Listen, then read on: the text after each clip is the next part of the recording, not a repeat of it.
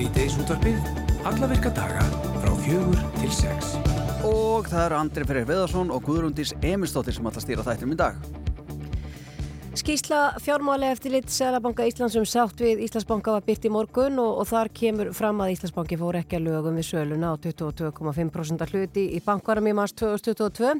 Bankin er sagður að hafa viltum fyrir bankasíslunni, talið er að brotin séu alvarleg og kerfislæg, ekki tilfallandi Bankin greiðir 1,2 miljardar króna í sekt og þá hæstu í sögunni og fósendisráþurra segir skýstuna áfællistóm.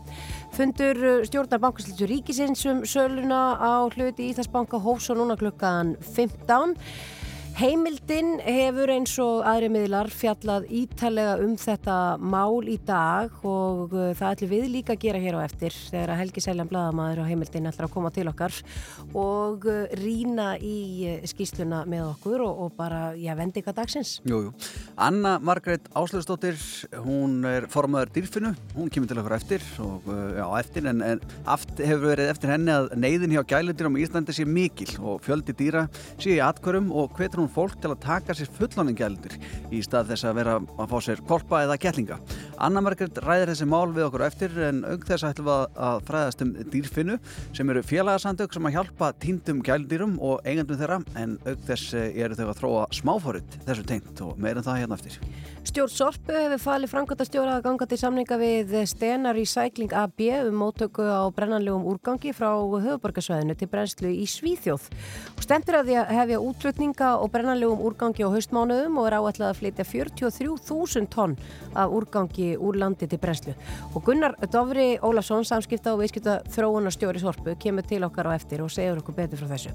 Meira tegnt Svíþjóð því að Blær Örn Áskjesson er fyrsti íslenski atvinnumöðurinn í frisbee golfi oft verið kallað FOLV líka. Blærið þessa stundina í kemsvarlægi um Európu og er einmitt stattur í Svíþjóð. Við ætlum að heyri honum eftir og kanna hvernig gengur. Hafði Siguradóttir úr hjólreðafélagi Akureyrar vannum helgina Íslandsmeistera titil í götu hjólreðum. Íslandsmótið fór fram á Þingvöllum og hjólu var 118 km leið í kvennaflokki. Og þetta er ekki fyrsti Íslandsmeistera nei, nei, en meirum það hér á eftir þegar við ringjum norður í blíðuna og spjöllum við þessa afreiks íþróttakonu.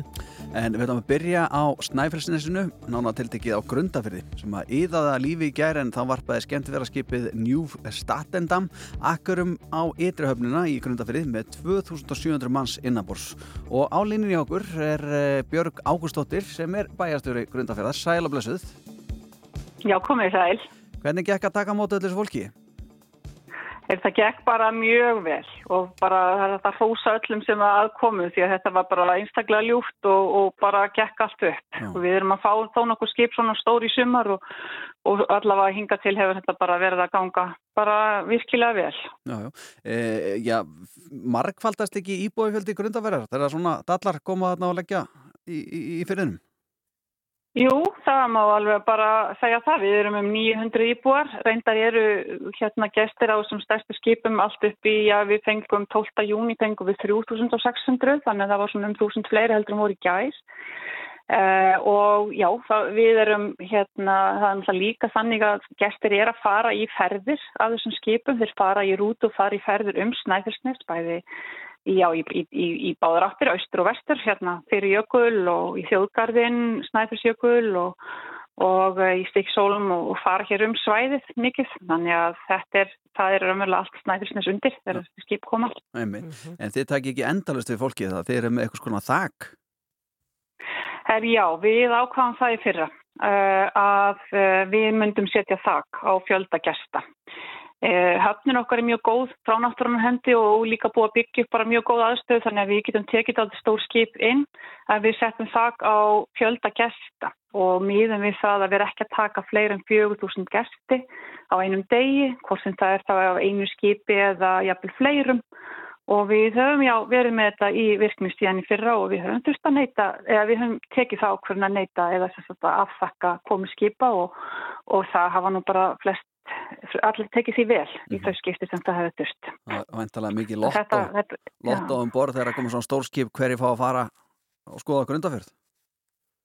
Já, sko, við erum þá náttúrulega bara að bóka skip, annarkost fá þau bókað og, eða, eða ekki, en þetta er nú örf á dæmi, en þetta er samt einfallega bara gert til þess að, að við viljum tryggja það að upplifum gest að sé jákvæð, uh, þannig að það sé ekki of mikið kraðag og að innviðin bara þóla ekki að taka mótum spjölda. Við erum náttúrulega líka á snæfellsniðsu öllu, við erum heitt svæði og við fáum með miljón ferðamenn að því að talið er á ári, núna svona eftir, eftir COVID þá erum við að rekna með þetta sé cirka miljón yfir árið.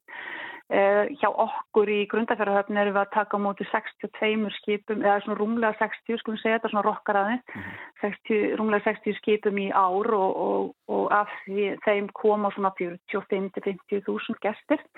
Þannig að þetta er svona brot af öllum þeim ferðamennum sem að fara um snæfisnis okkar en uh, við viljum samt sem áður tryggja það að þeirra svona stóru hópar koma að þá sé ákveðu þakk og, og líka fyrir íbúana að það, þetta er svona líka þólmörk hérna heima fyrir. Mm. Er þetta ekki það ágætist tekjur fyrir hafnasjótt? Jú, þetta eru auðvitað tekjur sem að, að koma inn á tíma sem að er líka hérna þar að við erum fiskihöfn og, og fáum mikið af, af fiskiskipum, ekki bara heimaskipum, heldur líka öðrum aðkomuskipum til að landa.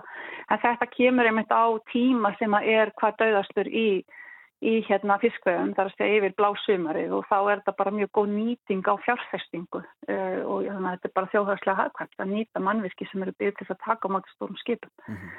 Þannig að þetta er bara, það fer vel saman ja. og svo þannig að samfélagið auðvitað ráða við þetta og og snæfisniti við höfum mjög margt upp á bjóða og ég, já, þetta er bara, þetta er að ganga vel.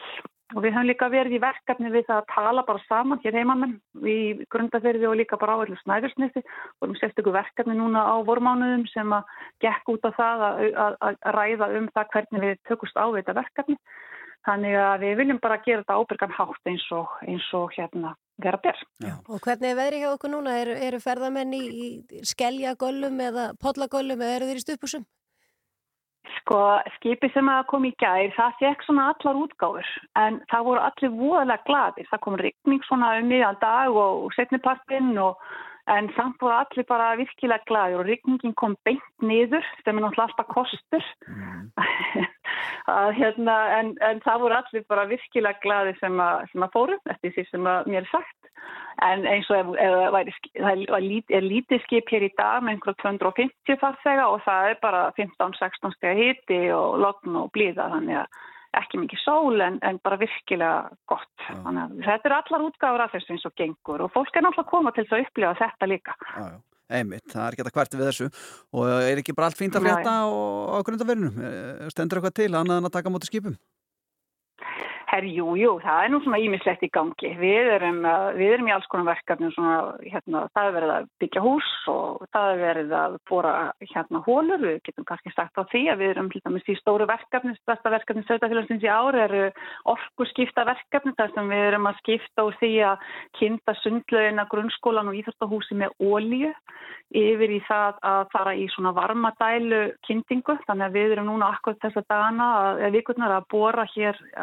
tíu hólur sem við ætlum að nota til að, að taka upp varma úr og búið til orku og afleggja þar með ólíukynningu og það er bara stórt umhverfsmál en, en líka auðvitað bara peningamál. Já, Já ólían er náttúrulega búin að hækka gríðarlega. Akkurat. Þannig að við, en það er bara stórt verkefni hjá okkur og síðan eru við að Já, fólk er bara að snýsta hjá sér og, og laga til og, og það eru svona alls konar verkefni og, og hérna í uppbyggingu líka bara í túrismannum og svona sem hann er náttúrulega bara orðindaldið svona, já, hann er, hann er hérna, hann er í miklum vexti. Já, sívaksandi, já. já. Þetta er gott að hérna, gott að hérna, já. já. Við segjum bara áfram Grundafjörður og þakka kella fyrir spjallið Björg Ágústóttir Bæjastjóri Grundafjörður. Takk ykkur fyrir sumleiðis. Takk. Fyrst og fremst með þér. Við erum Rástföð.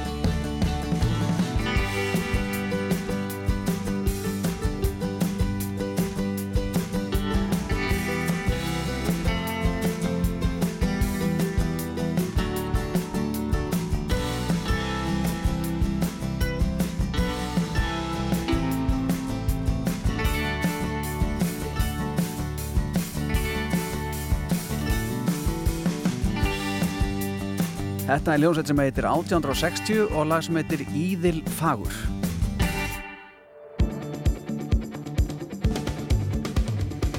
Skísla fjármála eftirlit Sælabanka Íslands um sátt við Íslandsbanka var byrt í morgun og þar kemur fram að Íslandsbanki fór ekki að lögum við söluna á 22,5% hlut í, í bankanum í mars árið 2022. Bankin er sagður hafa vilt um fyrir bankasíslunni. Talið er að brotin séu alvarleg og kerfisleg, ekki tilfallandi og bankin greiðir 1,2 miljardar króna í sekt á hæstu í sögunni og fórsetisráð þeirra segir skísluna áfællistóm.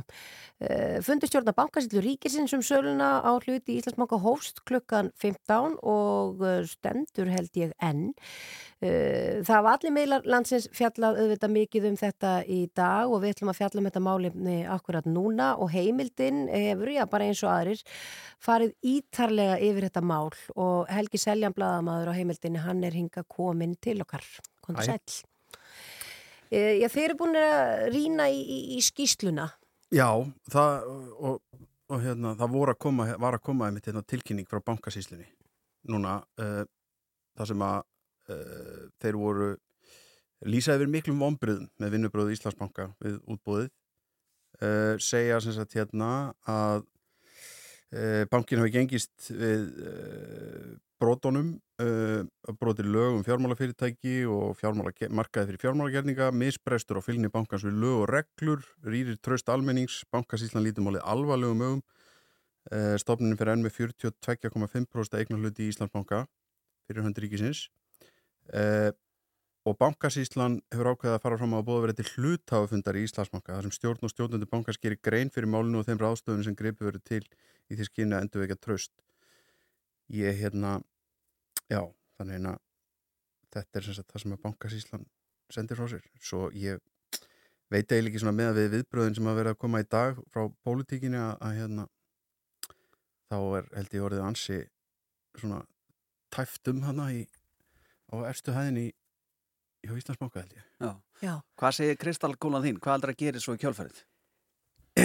ég bara veit það ekki en ég, mér finnst nú sko, það, það er uh, ráþæranir að funda morgun er þessi ráþæran nefndum efnagasmál og Lilja Alfredsdóttir uh, töluði við hann á hann og hún sagt, uh, hún er mjög harðorð yfir þessu og segir að stjórn bankan sé óásættanlega eins og norða og fæst ekki til að svara því hvort að henni finnist að, að það er eitthvað að víkja og þá stjórnin eða, stjó, eða bankastjórnin eða hvernig það er en, en segir sagt að hún lesi það út úr skýslunni og lýsingarnar séu þannig að þetta, henni finnst þetta að vera ásetningsbrot þetta hafi verið gert af ásetningi þetta hafi ekki bara verið svona einhver bara eitthvað klúður en, en hérna þetta eru þetta svolítið makalust lesning og kannski sérstaklega líka svona fyrir þá sem að kannski uh, muna eftir því að, að það er ekkert svo langt síðan að hérna var bankarun og, og við einhvern veginn fórum í gegnum það og, og eitt svona stóru lærdómunum úr því var svona að, að við ætlum að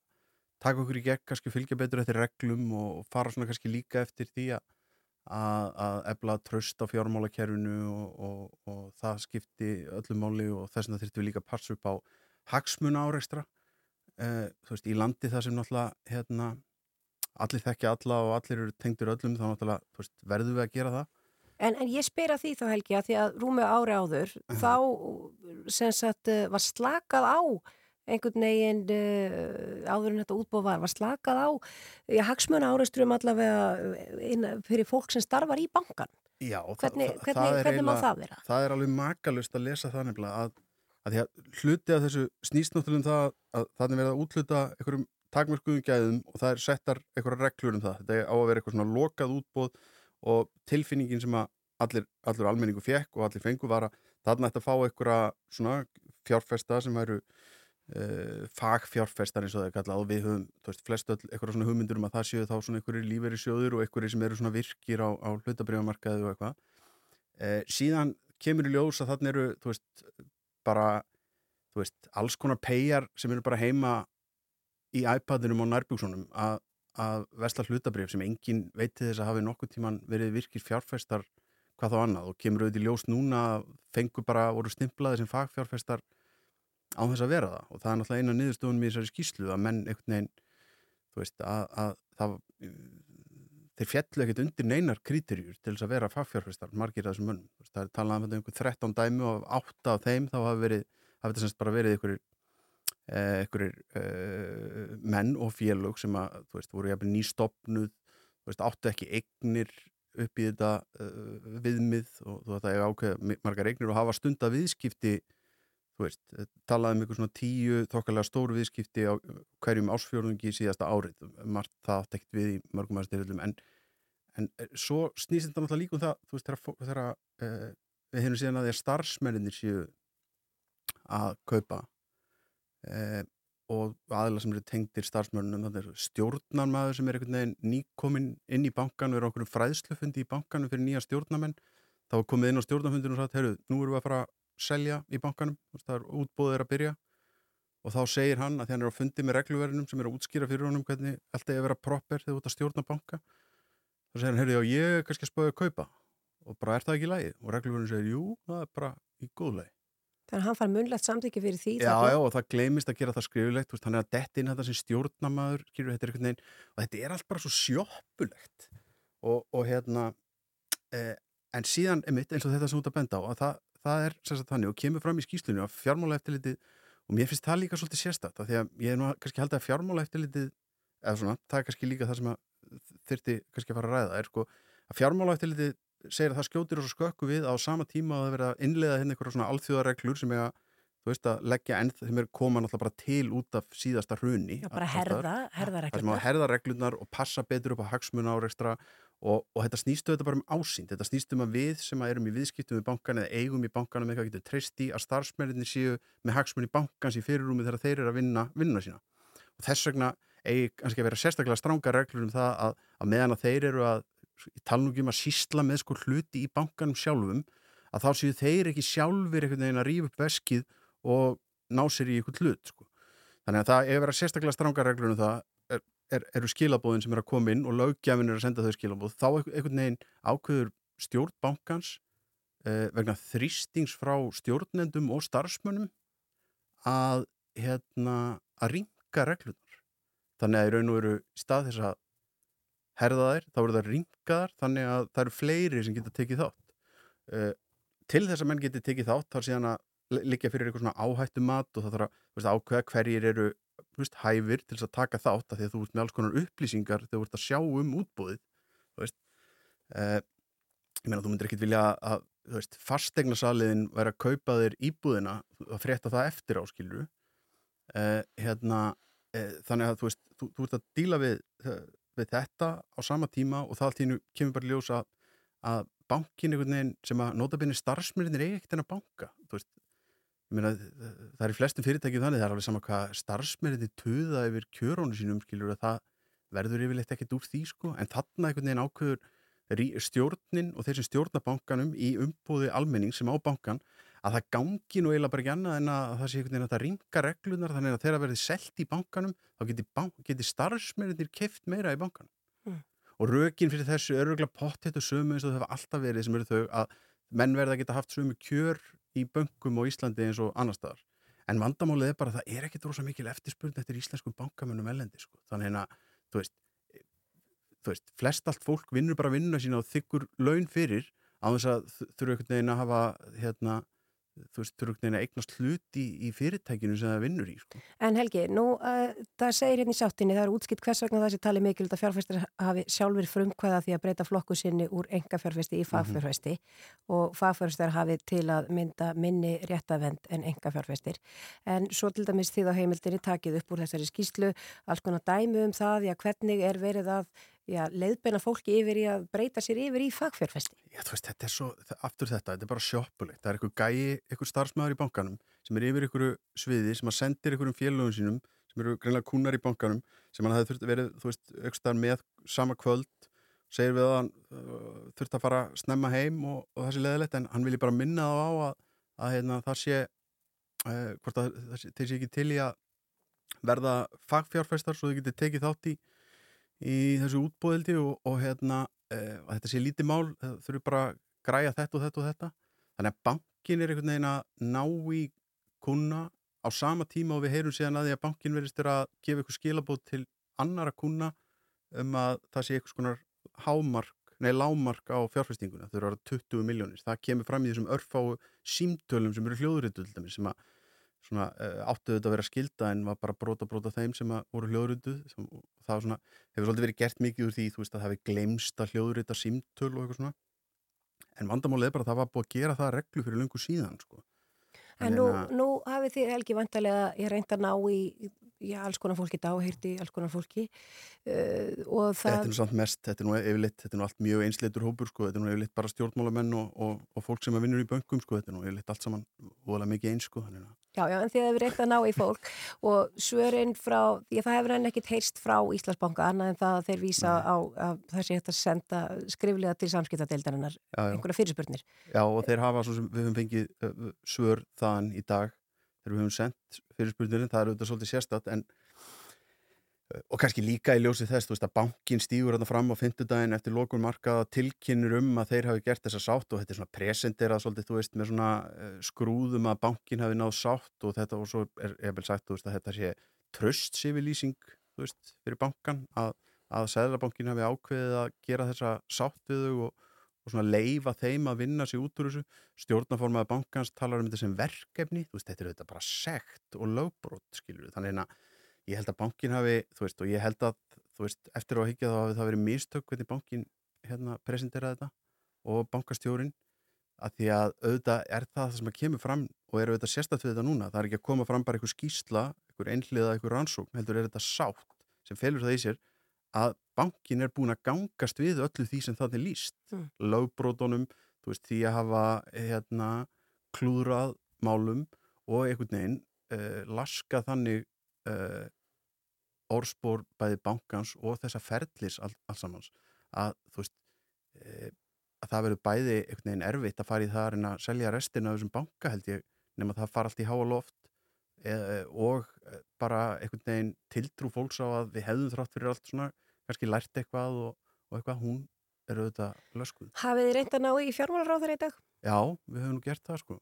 og aðlega í gegnum hérna uh, þetta fólk sem að uh, eru aðstofamennar sem að svara ekkert mikið í síman og hérna en uh, hann hlýtur ég trúnugjörn hann þeir hljóta bara að setja yfir því hvernig þeir alltaf að bregðast við þessu Eftir að hafa lesið þetta allt og, og, og ringti þetta, er eitthvað sem að fór vel í þessari bankasölu? Uh, Já, fyrir þá sem að fengi að kaupa en hefðu annars ekki fengið að kaupa þá er sérst þetta að segja að þetta hefði farið vel fyrir þá en ég minna, ég, þú veist eh, eftir á að higgja þá er, er, er, eru miklar efasendur um það að verðið hafi verið það verið, ekki verið að fá betra verð þannig að það svona fjallsóldiðum sjálft sig Eh, tiltrúin á bankakjærfinu ef að hún er að laskast svona svakalega eftir þetta allt saman eh, þá held ég að það sé bara fullkomin fallengun fyrir þú veist, hún það er þó ekki, þetta var þó ekki til mikils unnið sko, þannig að þetta verður rosa erfitt, en það er líka mjög sérstætt núna, stjórnmálumennir verðast allir vera sammála um það núna, nú þeir eru búin að finna sér svolítið blóraböggul í þessu fólki núna í bankanum, það er þeir ætla að vera greinlega sammála um það. Það er svona og þú veist, með rétt eða raungu geta menn svo velti fyrir sig hvort að það sé eh, hvort að þetta er að, að ábyrðar keðjan endi þarna eða eitthvað annars þar Uh, Helgi Seljan, uh, við verum halda áfram að fylgjast með þessu máli hér á Rúf uh, eins og þið á heimildinni, bara takk kærlega fyrir að koma til okkar í síti og fara yfir þetta með okkur. Hæfileg blanda Frá fjögur til sex á Rástvö. I remember when, I remember, I remember when I lost my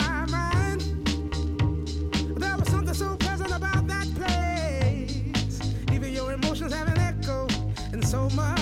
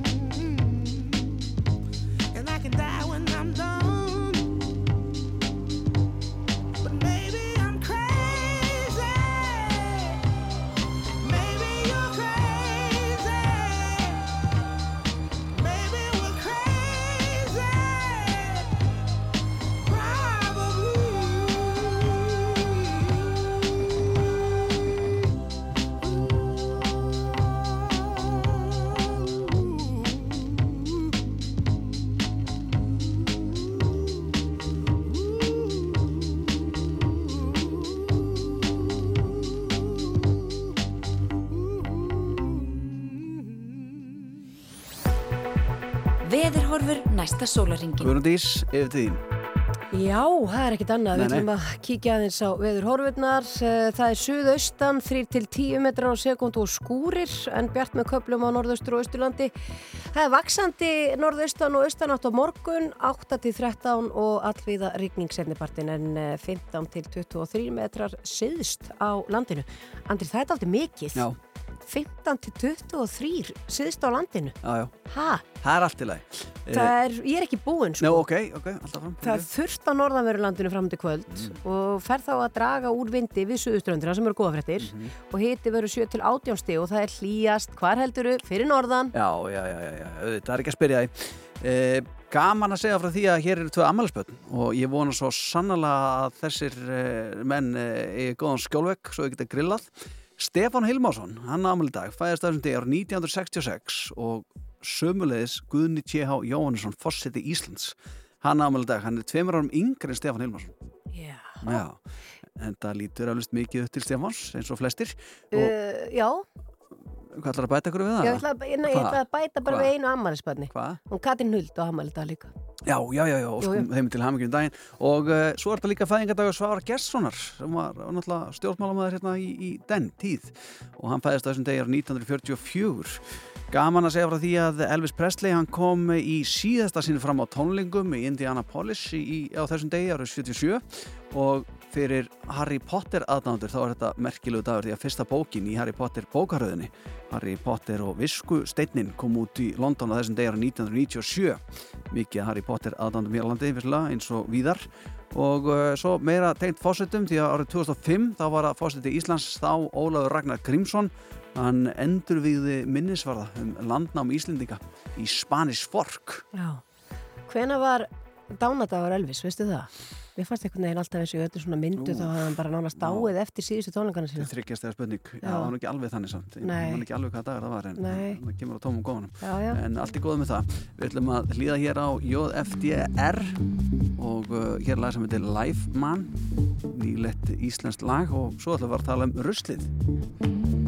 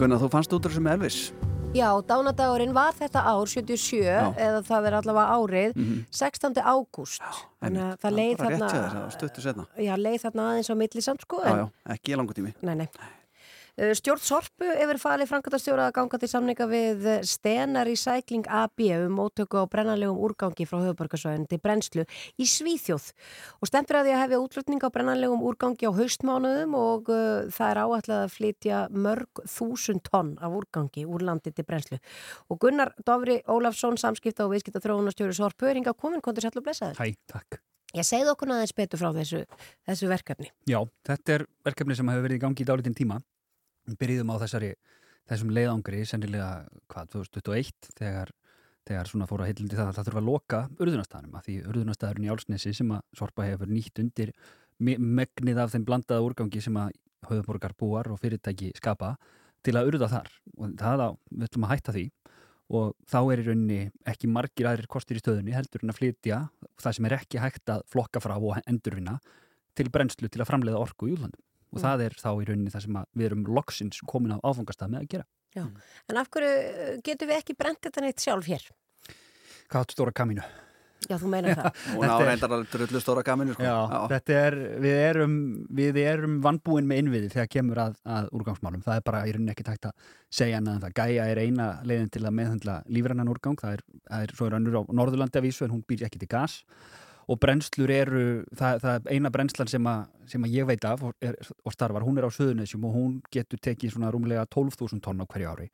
Þannig að við þyrftum hana sinnum þrjár, fjórar meiri segja, til þess að taka þetta Mhm.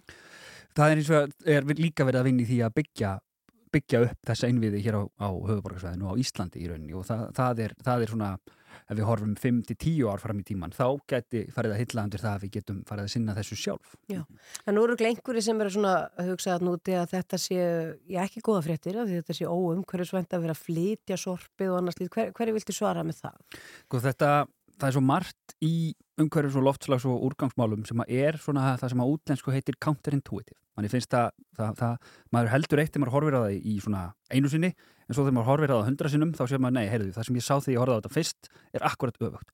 Staðan er svo að ef þú urðar úrgang, þá losar hann alveg gríðarlega mikið af gróðurhaldtegundum og það á sérstaklega við um til dæmis lífarannan úrgang sem við erum að sikta út úr, út úr þessum ströymum þannig að það sem að, það sem að fer þarna með skipi til Svíþjóðar verður á fyrst og fremst að vera það sem fer í nýju blönduðu tunnuna blegjur, kattasandur og reiksugupókar og svona hlutir sem er bara ekki neitt hægt að gera við annað en annarkort að urða eða brenna og þar verður það notað í staðin fyrir þá aðra orkugjafa til þess að framleiða orku í Svíþjóð. Þannig að við erum að skipta út í einhverjum tilvíkum kólum og ólíu fyrir Íslensk drusl til að búa til ramagn í Svíþjóð, ramagn og, og eða hita. Uh, kólefnisbor af því að sigla hlutum milli landa er ekkert rosalega stort. Er, þetta, þessu verður ekki flóið. Þannig að það er ekki, það er ekki þannig sem, að, sem að við erum að gera þetta. Þetta er sendt í mjög stórum skipum sem að í svömmum tilvíkum sigla bara tóm til svíþjóðar aftur. Þannig að það, kólefnisborið af þessu er vissulega eitthvað en, en þegar maður stendur frammi fyrir rusli þá þarf maður yfirleitt að velja, skástakostin, velja skástakostin og þetta er sennilega sá skásti kostur sem við höfum. Já. Fyrir utan það að við viljum bara ekki urða meira. En hvað ef svíin er að nota ruslið okkar í að framlega orku? Erum við að fá okkar fyrir ruslið okkar? Er það að borga eitthvað fyrir? Það væri óskandi að, að, að kvartakerfin væri orðin þannig að þetta væri raunverulega verðmæti, en nei, við þurfum að borga fyrir þetta. Mhm. Uh, Við eins og að gerðum ráð fyrir að þurfa að borga miklu meira fyrir þetta. Við vorum í þessu útbóði sem var opnað núna fyrir nokkrum vikum, þá erum við 35% undir kostnæraallin. Og það er bara, ég veit ekki um mörg ofnbyr útbóð sem að fara sko, þau, fara eiginlega öll yfir ekki svona, mörg. það, er- það allavega, það er, það hitt, það, er undantekningin frekar en reglan að það sé undir verði. Þannig að þetta eru mjög jákvæða fréttir sko inn í verðbólkutíma og svoleiðis þannig að það er útlitt fyrir að, að gjaldskráin okkar á þessum lið muni ekki hækka neitt sérstaklega mikið og svo að ma maður veit aldrei hvað gerist á setni helmingi ársins. Já, en þessar tölur, 43.000 tonn Mhm. af úrgangi, þetta, er, þetta er eitthvað svo gigantísk tala. Já. Uh, núna þegar við erum að fara að taka upp þetta nýja flokkuna kerfi, eða öll heimili til dæmis á höfuborgarsvæðinu er að fara að fá núna þessar tunnur sem þarf til þess að flokka svona algjörlega. Mhm. Erum við þá ekki að fara að draga þetta aldrei úr þessum já, úrgangi sem annars hefði verið urðaður eða þá sendur til Svíþjóðar? Getur Absolutt. sagt okkur eitthvað tölurnar þar? Ég held að sé of snemt að segja til um hver árangurinn af þessu verður. En þegar við, og við gerum það einu svona ári, þá við förum í gegnum blönduðu tunna, við förum þetta í gegnum allar tunnur. Já, í november framkvæmum við það sem heitir húsasorpsrannsókn, þá tökum við held ég 30 sinnum 100 kílóa síni og greinum það í döðlur. Og það er svona nokkuð, nokkuð fast. Helmingurinn af því sem að fer í blanda rusl í dag er matur þannig að við erum þá búin að þegar við erum öll farin að flokka matarlega frá þá erum við búin að minka það sem fer í blönduðu tunnuna um helming. Já. og ef við horfum á hana það sem er eftir þá er helmingurinn af því af restinni pappir og plast sem á að flokka frá. Þannig að það, er, það, það ætti að verða mjög, mjög lítið eftir í tunni þannig að þú ert búin að taka frá sko 50% sneið og 25% sneið þá er bara 25% eftir. Og það sem ég finnst galnast í þessu er að 10% af því, réttæflega, er bleiur Já. og hugsi, hva, hversu margir íbúar höfuborgarsæðis nota bleiur, það eru kannski svona Tveir fyrst- inni. Já, hvernig vissir þú? Það eru kannski svona fyrstu fimm æfi árin og síðustu fimm og restin notar ekki bleiur þannig að það er bara, bleiur eru, eru gigantíst magn af því sem er í Já. En það þýðir náttúrulega þá þarf fólk að hlýða og taka þátt Rétt. og flokka. Rétt. Já. Já, já. Þannig að þetta, já, þetta horfir þá allt saman til allavega betri vegar. Já, við erum mjög ánægð með þetta og ég veit að, að, hérna, að það er okkar sko, bæði stjórn og eigendur og nágrannar urðunarstaðanis eru, eru, við erum mentalega heimil lifandi með þessa fréttir af því við, þetta færir okkur nær því markmiði að gera urðunarstaðina betri nágrannar. Já. Gunnar Dofri Ólason, samskipt og viðskipt þróunastjóri hjá Sorpi, takk fyrir að koma til okkar. Síðdeis útvarpið Á Rás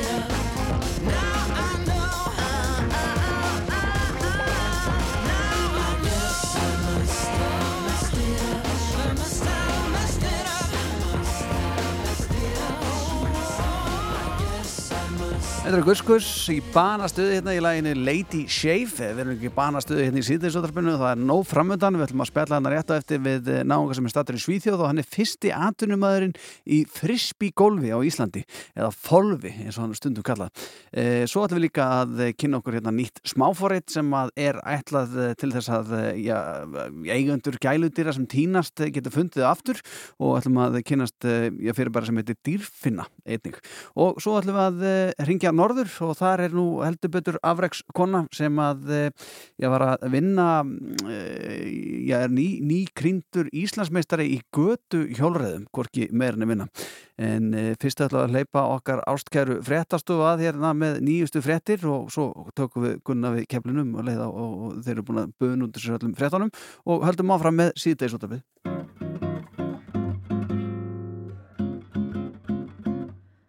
Don't you notice how I get quiet when there's no one else around? Me and you and awkward silence. Don't you dare look at me that way. I don't need reminders of how you don't feel the same. Oh, the burning pain. Listening to you heart pump out some new soulmate. She's so perfect, blah, blah, blah. Oh, how I wish you'll wake up one day.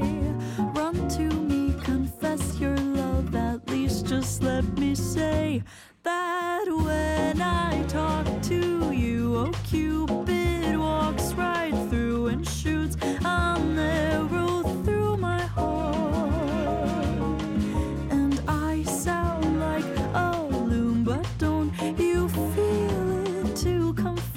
I loved you from the start?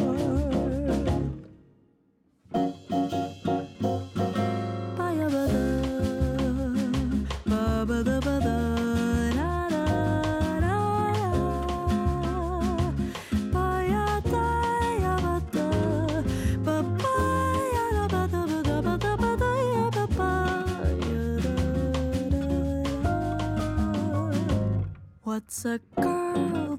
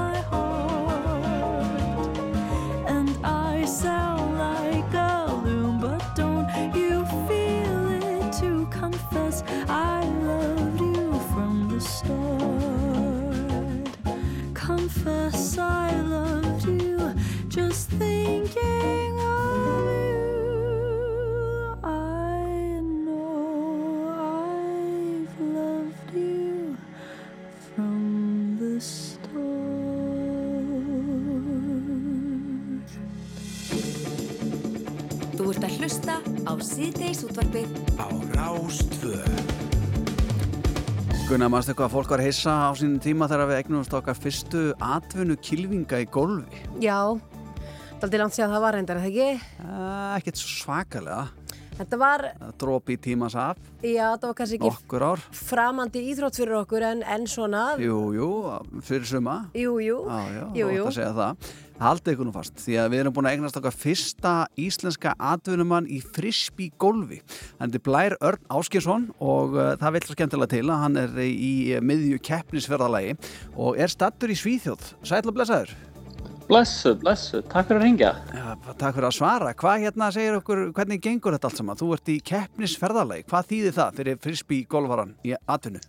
Já, ég er sagt að keppa á Euroturnum núna í frisbeególfi og er að taka alla mótaröðina sem þýðir það bara ég er að ferðast um alla Evróp og taka bara mót hverja, hverja helgi, bara keira á milli staða og keppi allar helgar á Euroturnum og ég er búin að vera í þrjár viku núna og það bara gengur svona ágætlega, væri til að myndi ganga betur en það er nóg eftir, þannig vonandi verður þetta bara betra. Já, já, já, og er þetta stór, já, stórt sport í Evrópu? Því að maður hefur nú síðan svona frisbee-gólvelli pop-up hér og þar í almennskurðum og víðar, en hvað með Evrópuna? Er þetta orðið risa dæmi? Þetta er að stækka og stækka mjög hratt. Ég held að þetta sé eitt af hraðar stækkandi íþróttum í heiminum í dag sko og sérstaklega þú skoðar Skandinavi þá er þetta mjög stórt. Þetta er ekki alveg stórt í mið-Evrópu en þetta, þetta, er, þetta er alltaf að koma þar sko og mótin er að verða helviti stóri en allavega sexfaldur heimsmeistari er, á, er mættur á Evróputúrin og er að keppa á allum þessum mótum líka þannig að það segir einhvað um, um stærðin á þessu. En Blær, þú verður að byrja á að segja okkur aðeins bara frá því hvers vegna þú fóst út í þetta sport. Já, sko, ég var á flateri með vinnum mínum og það var að opna fólkvöld þar. Þannig við pröfum þetta og svo sagði ég fóreldrarinn frá þessu og árið setna fekk ég startpakka í ammæliskjöf og eftir það þá fór ég bara all in. Þá hætti ég í fótboltanum sem ég er búin að vera í mörg, mörg ár og fór bara all in í frisbygólu að keppa á öllum mótum sem ég gat hérna á Íslandi og svo árið setna fór ég að keppa í útlöndum líka. Þannig ég var helviti fljót, fljótur að vera húgt á þessu sporti. Já. Er þetta þannig stærðagráða blæra að, eh, já, einn daginn, eh, kannski næ- næsta, þar næsta ári, þá verður kannski aðdándur sportsins fannir að byggja um einhandar áriðanir frá blæ örn áskísinni? Sko, ég, vonandi, það, þetta er alveg orðið þannig hérna úti í, út, í Noregi allavega það sem ég var í síðustu viku, þá var alveg fólk að byggja um áriðanir sko, en ekkert, margir, en, en einhverjir vissulega, þannig að von, ég vonandi að vera bráðum þannig á Íslandi að fólk fara að fylgjast með þessu og byggja um áriðanir, það væri skemmtilegt. Já, já. En þegar maður er aturumöður í frisbíkólfi eða folfi, er þetta ekki stundu kallað folf? Jú, það er stundum kallað fólum líka. Já, þegar maður er atvinnumæður í, í þessari eh, íþróttagrein, eh, þarf maður að vinna með því að lið maður á þessu?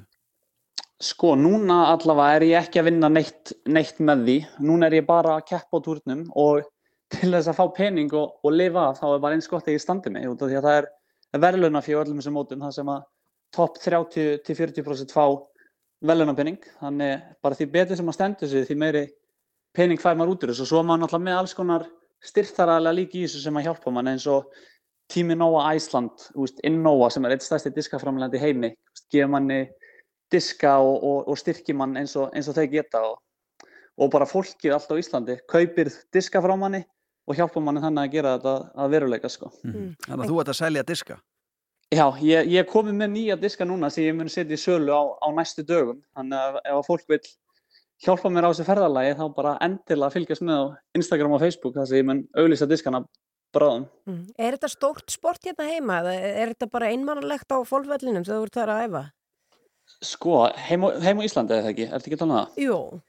Þetta er að verða mjög stórt það nefnilega. Eftir COVID sérstaklega þá var það alveg stór sprenging í frisbygólinu og allir fólkvelli bara, ég veit ekki hvort það er farið eitthvað, en þeir eru nánast allir bara fullir á sömurinn. Þeir bara mæti og það er byðruð og tega eitt.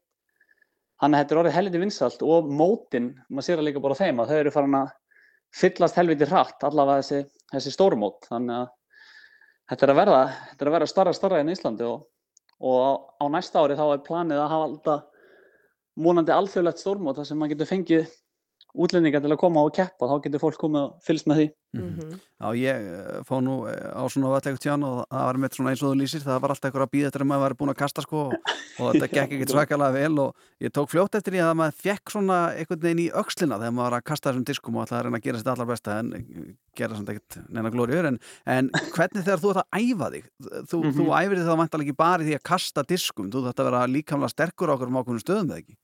Nákvæmlega, nákvæmlega. Þennan veturinn hef ég til dæmis verið mjög, mjög mikið í ræktinu og, og styrkja með þessi svæði sem þú talar um, veist, axlir og, og olboga og, og þau svæði út. Þetta tekur náttúrulega svo mikið á, á öxlinum að vera að gera alltaf sömur hreyfinguna aftur og aftur og aftur endalaust. Þannig að maður har að vera, vera sterkur þar á þeim svæðum sérstaklega, þannig að maður, maður æfi sig í, í ræktinu líka. Mhm. Það er mikilvægt. Já, já. En er, er þetta, í frisbygólinu er þetta svona sama með eins og í handboltan að, já, góði leikmenn eru svona, já, góðir að kasta bæði með hægri og vinstri eða kastra alltaf með sömu hendinni? Sko, það eru til, yfir, yfirleitt er það þannig að fólk kastir með sömu hendinni, en það eru til köst sem heitir, sem heita bakhönd og forhönd, þannig þau beigja í sikkur áttina. Þannig þú veist, eftir bara hvernig beigju þú vilt á diskinn, þá getur bara valið hvort kast þú ert að taka, þannig að maður þarf að vera góður í báðum köstunum. Og svo er maður líka með diska í töskunni sem fljúa allir mismunandi, sumi fara beint, sumi fara til hægri, fara til vinstri, sumi fara stutt, sumi fara langt. Þannig að það snýst líka mjög mikið um að bara þekka á sína eigin tösku og, og hvernig diskarnir fljúa. Já. Eru, eru margir góðir svona þolfvellir hér eða er einhverju kannski sem að þú myndir mæla með að byrjendur myndir fara á og, og annars líkt?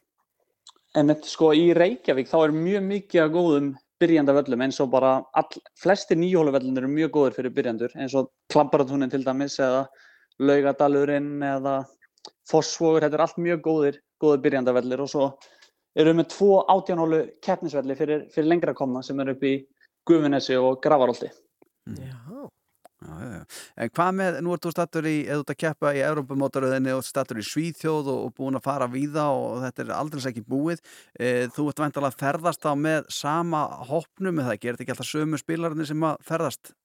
Jú, yfirleitt sko, núna er ég búin að vera að ferðast með sænskum vinnum í húsbíl á milli, milli landa sko og það er, það verið mjög fínt fyrir utan þegar við þurftum að keira frá, frá Tjekklandi yfir til uh, Noregs, það var, það var helviti löng gesla en annars er það bara fínt að keira á milli í húsbíl með, með þeim. Einmitt, eh, maður svona veldi fyrir sinni í þessu sömum íþróttagreinum eins og uh, snjóbretta sportinu og, og, og uh, líka hjólabrettunum og, og fleira eflaust og það er svona, maður fær á tilfinningarnar að sé ágætið svona partistand á fólki en hvernig er það með frisbíkólið? Er, þetta Er þetta bara, þú veist, eins og bara knastmyndum menn, það að fara að snemma að sofa og, og, og hugleitt jafnvel og ég veit ekki hvað og hvað. Sko ég held að þú getur fundið mjög, mjög mismunandi fólk sem er að keppa í þessu en ef, þú, ef ég á að svara fyrir mig þá er ég ekki í partíinu ennþá sko, ég er meira, meira því að fara að snemma að sofa og, og reyna að vera eins professional og ég get sko. En svo þekkir maður alveg suma sem fara spila kannski eitthvað hring og fara þá bara út á djamið sko. En ég held að flestir séu að taka þessu alvarlega allavega sem er að búnir að þú veist ákveða að vera úti að keppa allt sumarið. Þeir vilja ekkert vera að klúra því með einhverju partistandi þannig að ég held að flestir séu nú bara komnið snemmi í háttinn og séu með hausinn bara 100% á, á mótunum. En er þetta sport sem að þú getur til dæmis byrjað í bara ungur og, og, eru, og verið að stunda bara það að þú verið nýraður? Algjörlega, þetta er bara, maður sér það á Íslandi, það er alveg bara allt frá ungum krökkum upp í mjög, mjög gamalt fólk sem er að meira þess að keppa sko. Þannig ég held að þetta sé bara fólk, nei, sport fyrir atna, alla aldursópa, algjör, algjörlega. Mm Þú ert stattur í Svíþjóð og vendalega nýbúin að keppa þar, hvar verður næst? Uh, ég var, var að keppa í Nóri senustelgi Já, og var bara að lenda í Svíþjóð núna fyrir Já. klukkutíma síðan. Þannig að næsta mót verður hérna í Svíþjóð, Já. en næstu tvö. Já. Svo fer ég aftur yfir til Noregs og svo fer ég að færa mig niður í mið, mið-Evrópu aftur. Færð að fara inn á vellina og æfa þess þar áður en þú tekur þátt í kemni sjálfur? Já, maður reynir alltaf að ná allavega svona 2-3 æfingarhingum fyrir, fyrir hvert mót til að, til að kunna völlin og vera að koma með gott, gott gameplan fyrir, fyrir start. Já. Blær Örn Áskjesson, takk kjælaður í spjallið og, og uh, ég er sama hvernig gengur, þá ertu löngu búin að gera okkur mjög stolt hérna í síðdeisúttarpinu og, og við óskuðum bara allsins besta. Kekja, takk kjæla fyrir. Bless, bless. Bless, bless. Magna, Gunnar. þetta er eitthvað fyrir þig sko. Hann er án uppáhalds fólvara minn. Já, þetta er bara upp á síðan minn, Já, já. Já, það er bara nákvæmlega þannig sko. Hefur ekki prófað þetta? Jú, jú, ég var að segja, Jú, ekki jú. vorum að Jú, spjalla jú. saman hérna, er já, bæri. Jú, jú, jú, jú. hafðu engar áhyggjur Lífið það er sem það er Fer sem það fer Ó,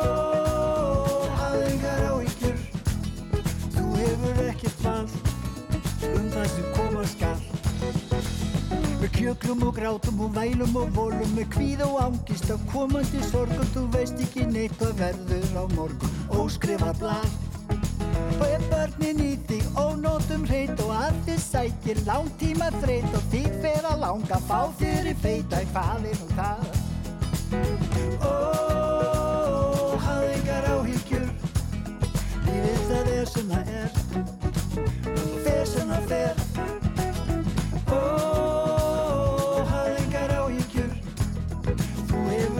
Ekkert val um það sem koma skal.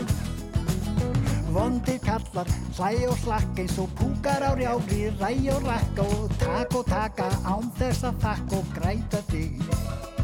Og þeir haga sér sumir alveg og dónar, snúa þér nýður og nýða þér skóna, rekja og svekja og kalla þig róna, halda mig sig. Ó, hafðu ekki áhyggjur, lífið það er sem það er, og fer. Ó, hafðu engar áhyggjur Þú hefur ekkert val um það sem koma skal. Vondir menn vilja til flengja, berja, brenna, drepa og hengja til hungrar í réttæti byrjar að svengja alveg eins og mig Með rekkjum og klækjum þeir ná á þeir taki Pípi og kækjum og neikvæðu kvaki. Röndóttir menn með ístru og braki Edda þig heim. Ó, hafðu engar áhyggjur Lífið það er sem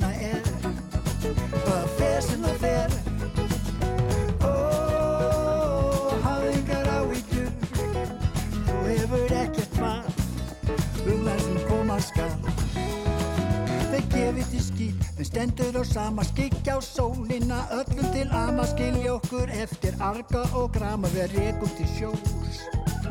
En heimur er vondur og skilningsljór og sjóarpið býður með ískaldan bjór og gleipir öll vandamál lítil og stór, draumur í dós. Ó, hafðu engar áhyggjur, lífið það er sem það er, og það fer sem það fer.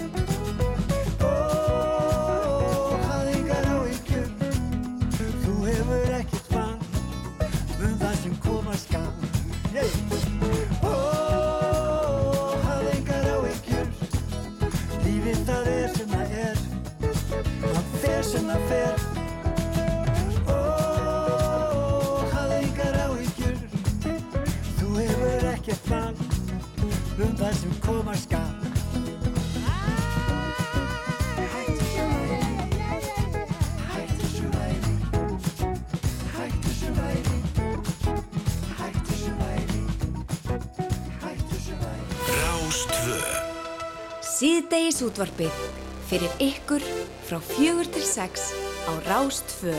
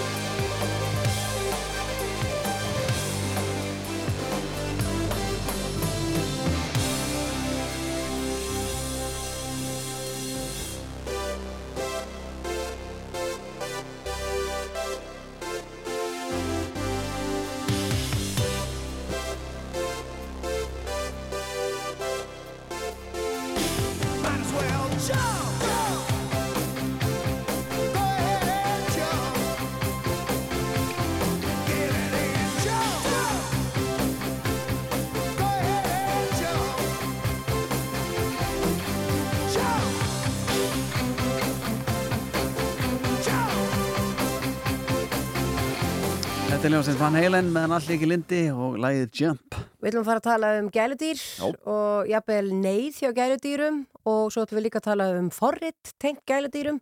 Hún er komin eitthvað til okkar, hún Anna Margrét Áslöðadóttir, hún er formaða dýrfinnu og uh, ég er bara kontið sér á blessuð. Sæl.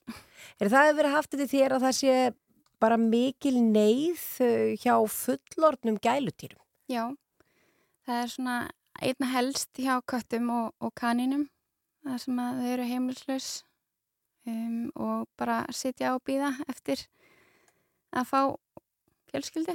Já. Og er þá uh, sko of mikið af fólki að fá sér dýr eins og kaninur og uh, kettlinga líka og kolp og allt þetta Mhm. og veit svo ekkert hvað að gera við það það er búið að fá leiða því eða lendir í þannig aðstæðum að það þarf að flytja eitthvað annað og uh, getur ekki haft dýrin þar. Já, sko, mm, ég held að þetta sé aðalega, þetta er náttúrulega bæði það að fólk er að byrja að ferðast meira núna eftir COVID og líka húsnæðsmarkaðurinn, hann er bara hræðilegur hefur á legumarkaði með gældir og bara eh, valla neitt að finna.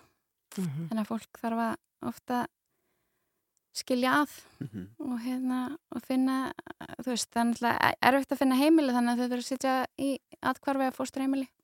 Já. Og dýraatkvör, þau eru full. Já, það er er alltaf, þú veist, ekki hægt að reyna. Leitið ánga alltaf eða þurfi hérna hjálp en þau eru, það er gengur hægt að hérna finna eigandi. Ætlaði út, já. Já.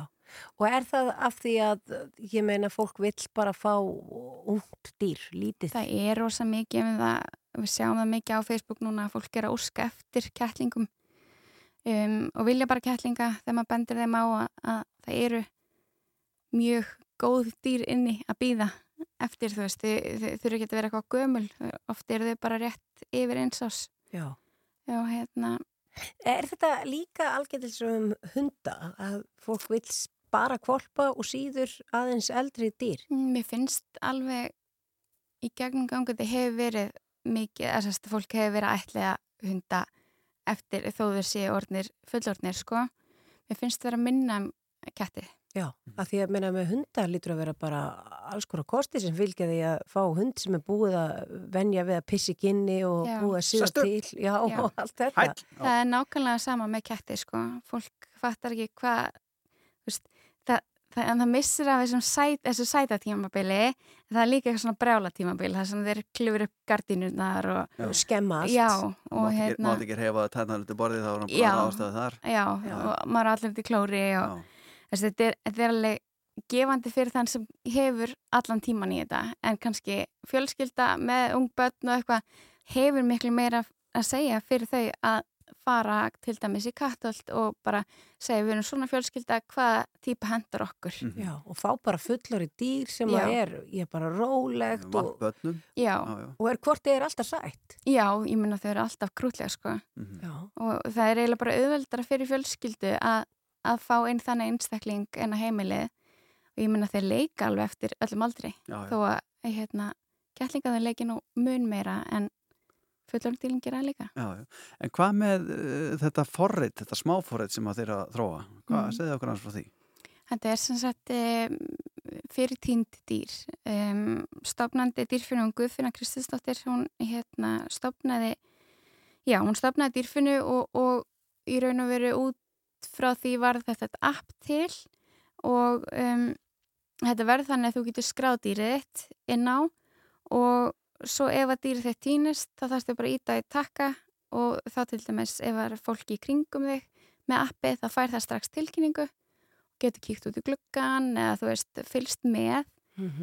Og svo getur eigandinn starta svona hópspjalli, svona leitarspjalli ef fólk vil hjálpa við að finna dýrið. Þannig að hérna það er svona, þú getur sett inn alls konar eins og fyrir minn hund ég myndi segja ekki taka hana upp og þú vil ekki láta ókunna að taka sig upp þannig að ringdu strax í mig og sér þannig. En segð okkur aðeins, meina dýrfinna, þú ert formaður þarna, og þetta eru félagsamtök sem hjálpa týndu gæludýrum og eigandum þeirra. Já. Hver- Hvers vegna ferð þú og ert þú í þessum félagsamtökum? Uh, uh, það er eiginlega bara óvart sko. Um, það var leit af litlum týndum hundi í Hafnarferði minni með 2020 og við bara svona urðum einhver hópur sem að komum og hjálpum og Guðfinna hún hérna er lærð í, í hefðum týndra dýra þannig að við leitum mikið til hennar og svo út frá því byggum við bara til hundasveitina og dýrfinnu sem svona unit og, og ákvæmum bara að fara alla leið og stofna félag. Er, er mikið um það að fólk sé að týna gæludýrunum sín? Já, um, sko kettir týnast, týnast oft úti kettir týnast ef þeir eh, sagt, fara óvart út fyrir sinn þægendrama eða eru eld út fyrir. Uh, inni kettir náttúrulega sleppa út mikið á sömurinn og það eru náttúrulega bara týndir, það er ekki að segja ekkert. Svo eru slísin líka það sem að hundar uh, sleppa Já. og týnast og geta týnst í marga daga. Og hafa þessi mál farsælan endi oftast næra? Því að oftast. Kemur alveg fyrir til dæmis að ketti lokast eitthvað staðar inni og, og, og svona. Hafið þið séð bara alls konar? Já, um, það er náttúrulega oftast að, að þetta endar vel og það, sko, það sem skiptir máli í, í því líka er að, að örmerkja dýrin. Það er náttúrulega í lögum um velferð gjaldira og, hérna, og að fylgjast með því inn á dýrauginu.is hvort að dýrið sé rétt, rétt að tengilega upplýsingar séu inni. Það stóra eitthvað líkundur á að dýrið komist heim uh, og hérna en já, þeir oftast, ég mun auðvitað gerist alltaf eitthvað það sumir já, já. enda bara líf sitt úti sko Það er alltaf ekki nógvægt.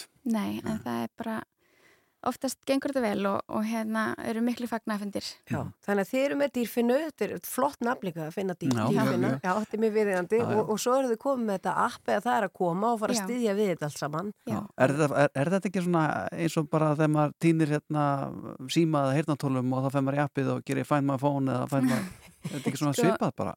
Við erum náttúrulega ekki með staðsetningatæki á dýrónum Nei. alltaf uh, Við erum reyndar að selja þau á vefsíðan okkar og hérna, en þau tengjast ekki appinu en appið, þetta er þess að þannig að líka bara ef að hundurinn minn stríkur að heimann sleppur út, gestur að koma eða eitthvað og hérna og ég get þá bara sett inn á appið bara Ronja tínd um, ef það er fólk í kringum blokkina mína sem er með það og sér hana þá getur, þú veist, mikið fyrir sagt mér í hvað átt hún fór Já, Já. Veist, þannig ég komist fyrir á staðin einmitt.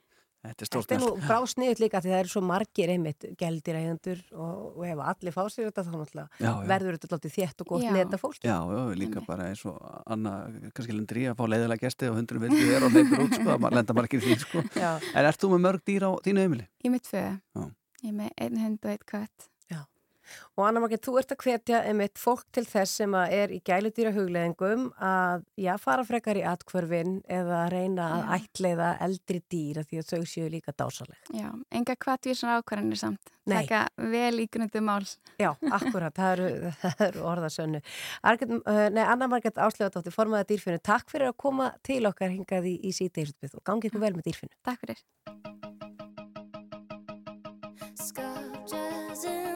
Sculptures in the sky,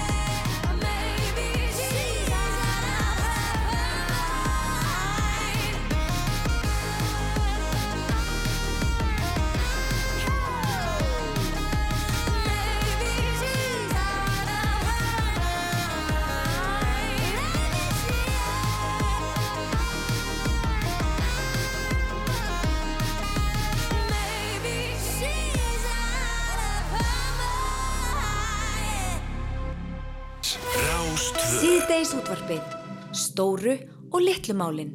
Frá fjögur til sex á Rástvö.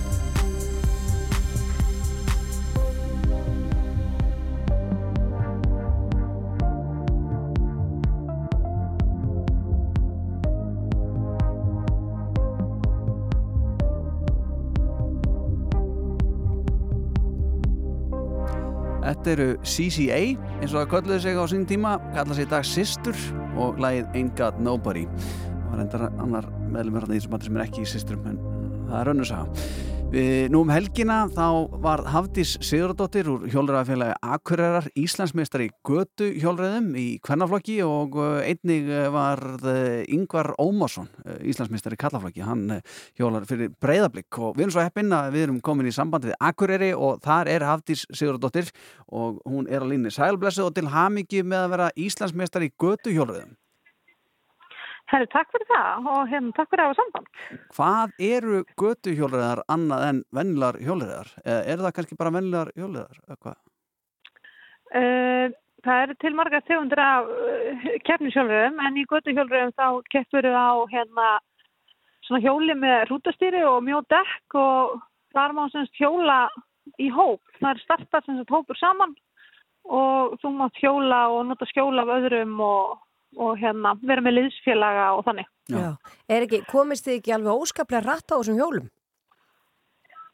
Jú, það er, það er hægt að komast mjög hratt en það fyrir líka eins eftir vindátt hversu hratt maður næri að fara. Og þú hjólaðir 118 kílometra og uh, þá þingvöldum ekki satt? Jú, það passar. Já, voru margir í hópnum? Herðu, við störstuðum hérna áttakonur í A-flokki kvenna. Og svo voru þá einhverjar 13-14 í B-flokki sem að hjóla það aðeins eftir veglengt. Já, og það þarf vissulega að fara að valega þegar svona hópur að hjóla, eða ekki? Jú, en eins og hjá hérna okkur þá sem sagt slutnaði hópurinn uh, mjög fljótt upp. Og bara í fyrstu brekku þá, þá hérna fyrstu fyrstu hjólarnir úr. Svo var haldið áfram og svo held það svolítið áfram bara já, í næstu brekkum sko, þannig að svona mest stæðsta lutan af keppninu hjólu við tvær til fjóra saman. Mm. Þannig að það er svo sem kannski ekki eitthvað sem maður, maður er vanur því. Nei. En Hafdís, hvenar greip þessi bakteri að bara um sig í, í kroppnum að það að vera að hjóla svona? Herði, ég byrja rauninni í þrýþrödd sem sagt árið 2014 og hérna þannig byrjaði nú svona hjóla og fyrir svo eiga börn og flytt norður og, og það var svona 2019 sem að ég byrja kannski svona að, að þessu fyrir alvöru og byrja, já, svona markvist að æfa. Mm. Og ég vil bara verið heldtekinn síðan. já, þegar þú talar um markvissar æfingar, hvað erum við að, að ræðum þar? Herði, svona eins og staðan núna þá hjóla ég svona 12 til 16 tíma á viku. Já, já. Það er hellingur. Og hvað er það í kílómetrum, veistu það? Sko ég pæli rosalega lítið í kílómetrum. Það bara fer eftir hvernig æfinga maður er að gera. Þú veist, ef maður er mikið í brekkum þá sapna maður hægur, hægar kílómetrunum en, en hérna, þannig að við, ég horfi alltaf í mínútur. Já. en eins og er ekki frábært að vera stunda þetta til dæmis í eigafyrði, taka ringin og svona, er ekki gott að, að hjóla þarna? Jú, það er bara aðeinslega að hjóla en ég nota rosa mikið hlýðafjall. Það er eiginlega minn uppáhalds æfingastæður. Já. Þar fer ég upp og niður alveg endalust oft í viku, þannig að já, bara aðeinslega að hjóla hérna. Er það þá, ferðu þá bara að fara upp afleggjaran að skálanum og þar? Já, bara upp veginn. Já. Það er nú dálítið bratt, Andri, hefur þú kert hann upp yfir? Já, ég hef kert hann upp yfir, ekki hjóla þegar á það eftir, kannski gerum við það einn daginn, einn daginn gerum við það. En þú Já, hjó... já, einn daginn farið þetta. Já, já, þannig að þú varst eh, að hjóla um helgina 118 kílómetra og þegar við erum að tala við þig akkurat núna, þá erum við að tefja þig að þú ert á leiðina á hjólið aftur. Já, maður, það, maður, sko, það er sól hérna fyrir norðan, þannig að maður sleppur ekki úr, úr svoleiði stöðum á hjólinu, sko. Nei. Nei, nei, sem þýðir að þú ert að hjóla alla daga því það er alltaf gott veður fyrir orðan. Já. Já, er Já, ég er svona, ég, venjulegum vikum reyni ég að taka einn, ein, hérna, frítag á hjólinu. Já. En, en eins og ég segi oft, það er á erfiðustu dagarnir. Mhm. Frítagarnir. Er það, er það bara, þið- er þið þá illt í skroknum eða bara, eða klæjar í einhvern veginn í, í puttana af... maður bara, maður vill bara alltaf meira sko, Já. það er alveg svolítið þannig og það er bara stór ástæð fyrir að ég er með þjálfara sko, það er bara svo maður far ekki fram úr sér sko. Já, já. Gunnar segir hérna klæjar þið í puttana, klæjar mann ekki í lappirnar þegar Jú, klæjar mann lappirnar, þetta er ekki... Jó, jó, Jú, lappirnar. Já. Hérna, Jú, ég er örgulega það. er alveg þannig. Það er akkurat Já. En Hafdís, við ætlum ekki að vera að tæfa það mikið lengur og halda þig frá æfingunni Þú var að fara að skella þér á fókin og koma þér að staða plíðafelli Já, já, Já. heldur betur. Takk hjá fyrir spjallið og enn og aftur til hamingi með að vera Íslandsmeistar í götuhjóluröðum Já, bara takk hérlega fyrir syngja. Ekki málið, bless, bless Já, bless, bless. Ekki á- í eigafyrði. Nei, þú varst á Húsavík Já, ég er Geta ekki á, þar? ég er á. Já, akkurat Þannig að það, ég geti alveg fara á ramaxhjólinu upp þennan veg sem hún er að tala um. Hann er brattur en, en ég geti það á honum. Dís var var nú fljóta að sparka þér úr Þær kemni myndu- að þingvöldum með að vera komandi bruna þetta eftir Já. þeim á Ramasjóli Þær myndu hlæða Já, mér já. og færu hraðar en ég sem á 25 km hraða. Það er það það eina sem myndir hlæða þér sko, það eru miklu hlutir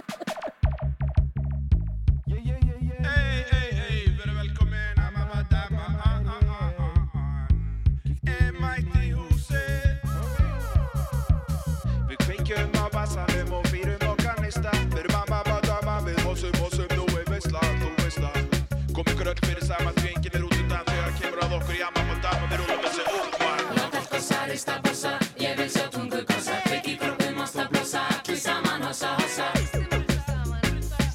Hossa, hossa. Láta allt gossa, rista bossa, ég vil sjá tungu gossa Kveik í kroppum, ásta blossa, allir saman hossa, hossa. Hossa, hossa. Dansgólfi sjóðandi heitt og fólki laðrandi sveitt. Við dansum óáreitt og hugsum ekki um neitt nema hvort annað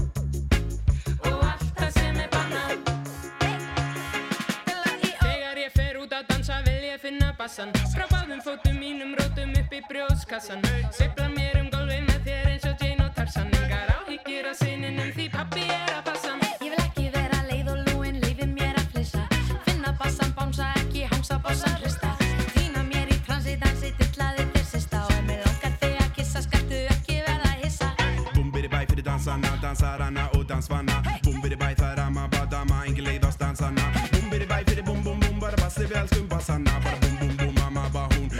á sér að sanna ey. Láta allt gossa, rista bossa,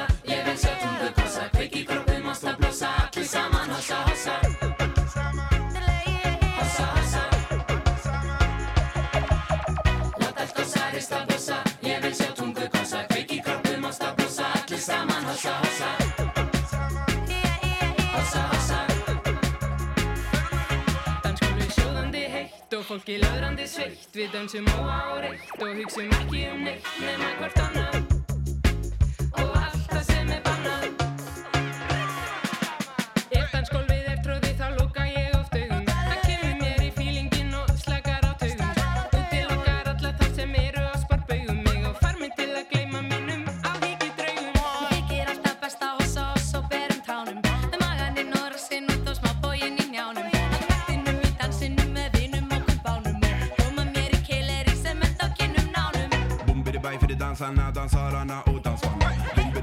Bumbidi bæ það er amma, badama, engin leið á stansarna Bumbidi bæ fyrir bum bum bum, bara bassi, elskum bassana Bara bum bum bum, mamma bara bum, hristir á sér að sanna ey. Láta allt gossa, rista bossa, ég vil sjá tungu gossa Kveik í kroppum, ásta blossa, allir saman hossa, hossa. Hossa, hossa. Láta allt gossa, rista bossa, ég vil sjá tungu gossa Kveik í kroppum, ásta blossa, allir saman hossa, hossa Hossa,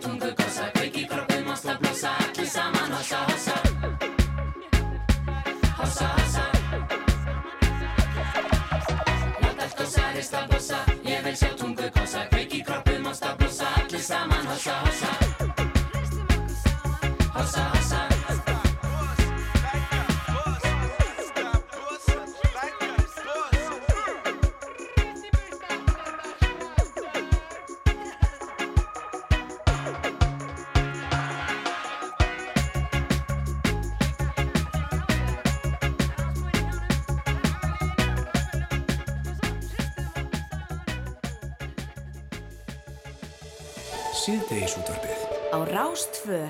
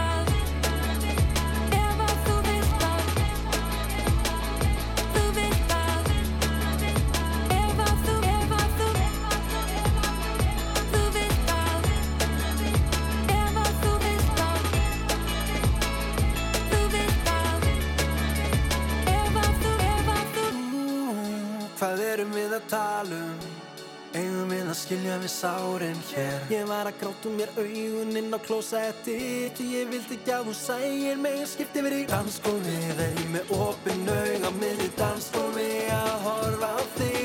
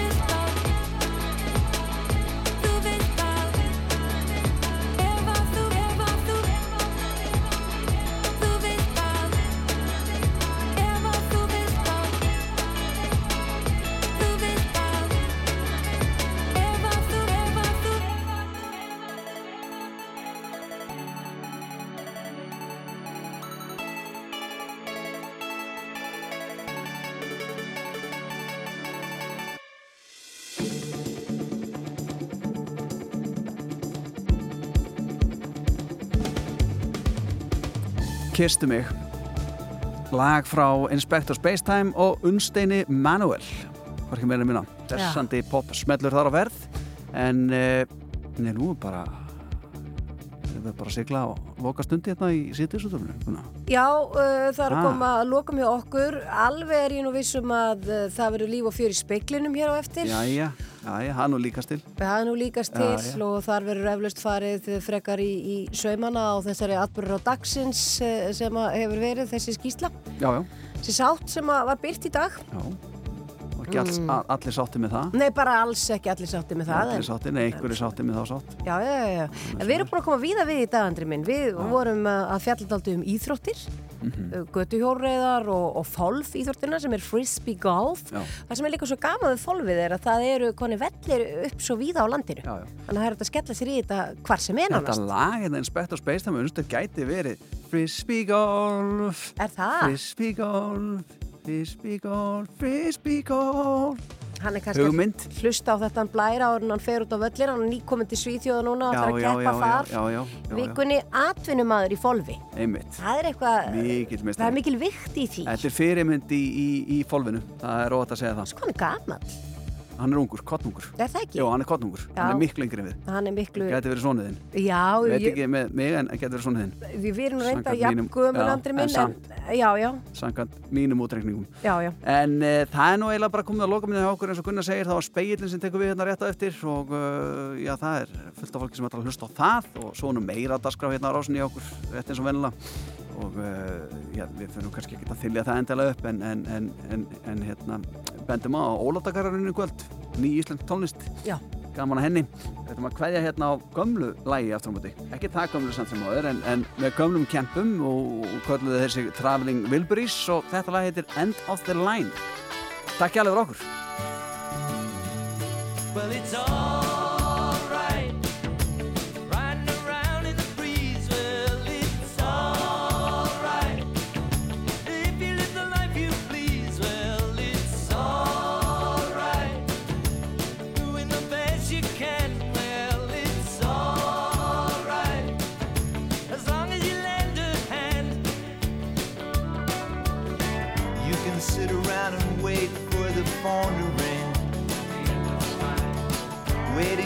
someone to tell you everything.